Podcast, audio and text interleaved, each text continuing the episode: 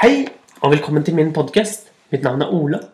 Og på denne podkasten forteller jeg eventyr. Jeg liker å fortelle eventyr fra hele verden. Det fins så mange spennende eventyr. Noen av dem har blitt fortalt i Afrika. Noen av dem har fortalt, blitt fortalt i Amerika. Noen av dem har til og med blitt fortalt aller lengst oppe i nord. Men i dag, i dag skal vi finne på et nytt eventyr. En ny historie som ingen før har hørt. Jeg har ikke hørt den engang jeg selv. For jeg finner på den akkurat her og nå, sammen med dere. Og vi skal høre mer om Nila, som kommer for sent. Vi husker jo at forrige gang så fant Nila et egg oppe på loftet. Og egget det viste seg å være et krokodilleegg. Og egget klekket, og ut kom det en liten, grønn krokodille. Den fikk navnet Ali, som i alligator. Og Ali var en prins. For pappaen til Ali var nemlig kongen over alle krokodillene. Det var, det var den største krokodillen som finnes i hele verden. Og jeg hadde endelig funnet noe mat som Som Ali likte. Han likte så godt sardiner. Han likte så godt fisk. Og jeg hadde spurt deg, spurt mamma om mamma kunne kjøpe mer fisk. Som vi kunne gi til Ali. Men hun trodde ikke noe på Ali. Da hadde jeg ikke annet valg. Jeg tok sparegrisen min, tørket en tåre ifra øyet, så knuste hele sparebøssen min mot gulvet. Og pengene fløy utover overalt. De pengene som jeg hadde spart opp så lenge. Men det var viktigere å hjelpe Ali, for han var en sulten liten krokodille. Jeg tok med alle pengene jeg hadde. Og så gikk jeg til fiskebutikken og kjøpte den største fisken jeg kunne. Det var en stor, fin torsk med langt, fint skjegg. Den tok jeg med til Ali, og Ali spiste den med god appetitt. Men så gikk det ikke så veldig lang tid før Ali nok en gang var sulten. Og jeg så jeg som hadde nesten brukt alle pengene mine på å kjøpe den forrige fisken. Hvordan skulle dette gå? Og imens hadde Ali vokst og blitt mye, mye større. Ali hadde blitt nå like lang som et bord. Og det bare på så kort tid. Jeg skjønte at Ali måtte være en helt spesiell type krokodiller. Og jeg skjønte at pappaen til Ali var en konge. Kongen over alle krokodiller. For jeg hadde aldri sett en krokodille som vokste så fort. Bare på så kort tid så hadde allerede Ali blitt like stort som et bord.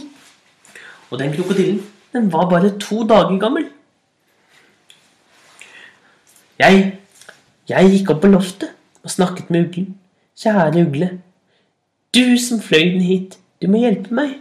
Vi må få krokodillen tilbake til Amerika, der hvor den bor. Den spiser altfor mye mat. Jeg har brukt alle lommepengene mine nå på å kjøpe fisk til Ali. Men Ali vokser så fort, og han spiser så mye. Jeg har ikke råd til å ha en krokodille på loftet mitt lenger. Og Uglen sa, 'Da skal du høre på meg. Kjøp, fordi kjøp nå med de aller siste pengene du har, små bokser med sardiner. Så legger du én og én sardinbit ut ned trappen. Så gjorde jeg det. Jeg kjøpte inn en boks med sardiner. Jeg dryppet én og én bit nedover hele trappen og ut døren. Der kom Ali gående etter, glad og fornøyd, og spiste opp sardinbrikkene, sardinbitene. Og snart, snart så kom den ut på gaten og fulgte etter meg og spiste bit etter bit. Så tok jeg la biter med sardiner helt ned til vannet. Og Ali hoppet ut i vannet for første gang. Og han rullet rundt i vannet og var så lykkelig. Det så jo ut som han hadde det så fint. Så sa jeg til Ali, 'Ali, jeg må hjelpe deg å komme hjem til krokodillenes konge. Og Ali skjønte det og lot meg sitte på ryggen.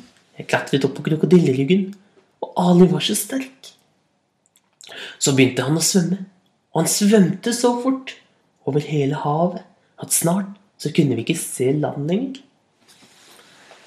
Og Ali svømte og svømte.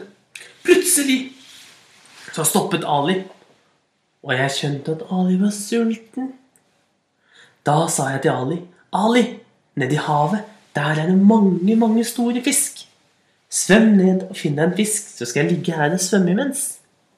Og Ali la meg forsiktig ned i vannflaten og svømte nedover. Og snart så kom den opp med en kjempestor sverdfisk i munnen. Men Ali spiste hele den. Så klatret jeg opp på ryggen av krokodillen igjen, og den pilte av gårde. Videre, så raskt, så raskt, svømte den av gårde over havet. Slik holdt vi på å svømme og svømme. Lang, lang tid. Men endelig så kom den fram til Amerika. Der begynte vi å spørre de andre krokodillene vi møtte, og de andre fiskene, om de visste hvor krokodillenes konge bodde. De alle sammen de ble så redde når de hørte navnet til krokodillenes konge, at de alle bare svømte sin vei, og vi ble stående helt alene. Dette var ikke lett. Vi må Vi må da finnes noen som vet hvordan vi kan komme til pappaen din. Da, med ett, så fikk vi øye på en bitte, bitte liten skilpadde. Og skilpadden sa, 'Jeg vet hvor, hvor krokodillenes konge bor.' Men da må dere hjelpe meg, fordi krokodillene er så store. Da må alle krokodillene love å aldri mer spise skilpadder. Det skal jeg Det hørtes ut som en god plan, sa Ali. Jeg skal snakke med pappa, hvis du viser meg veien til slottet. Og den lille skilpadden pilte foran. Vi fulgte etter, og snart så kom vi fram til et praktfullt slott. Det var laget av av fine, grønne steiner. Og vi gikk rett inn, og der inne, der så vi krokodillenes konge. Og krokodillenes konge, den var så stor. Den var kjempestor. Munnen var så stor at den kunne spist en hel båt på en eneste jafs. Og den var så lang som en fotballbane. Og på ryggen hadde den skarpe, skarpe pigger. Den hadde nemlig levd der i mange tusen år. Og krokodillen, den skulte på oss med sitt sinte, gule øye. Da sa Ali 'Hei, pappa'. 'Pappa', sa den store krokodillen, og så så den ned på Ali og sa 'Du er den vakreste krokodillen jeg noen gang har sett'. Kjære sønn, så bra at du har kommet hjem igjen. Og så ble det stor fest. Og krokodillenes konge takket meg for at jeg hadde hjulpet og vært så snill mot Ali og vist den veien hjem. På festen, der var det all slags god fisk som du kan tenke deg. Det var sushi, og det var kokt laks. Det var stekt og grillet ørret. Det var røkelaks. Det var torskesuppe. Det var fiskesuppe med kråkeboller. Det var tang, og det var tare. Og det var store sjøstjerner. Og vi spiste og koste oss hele dagen.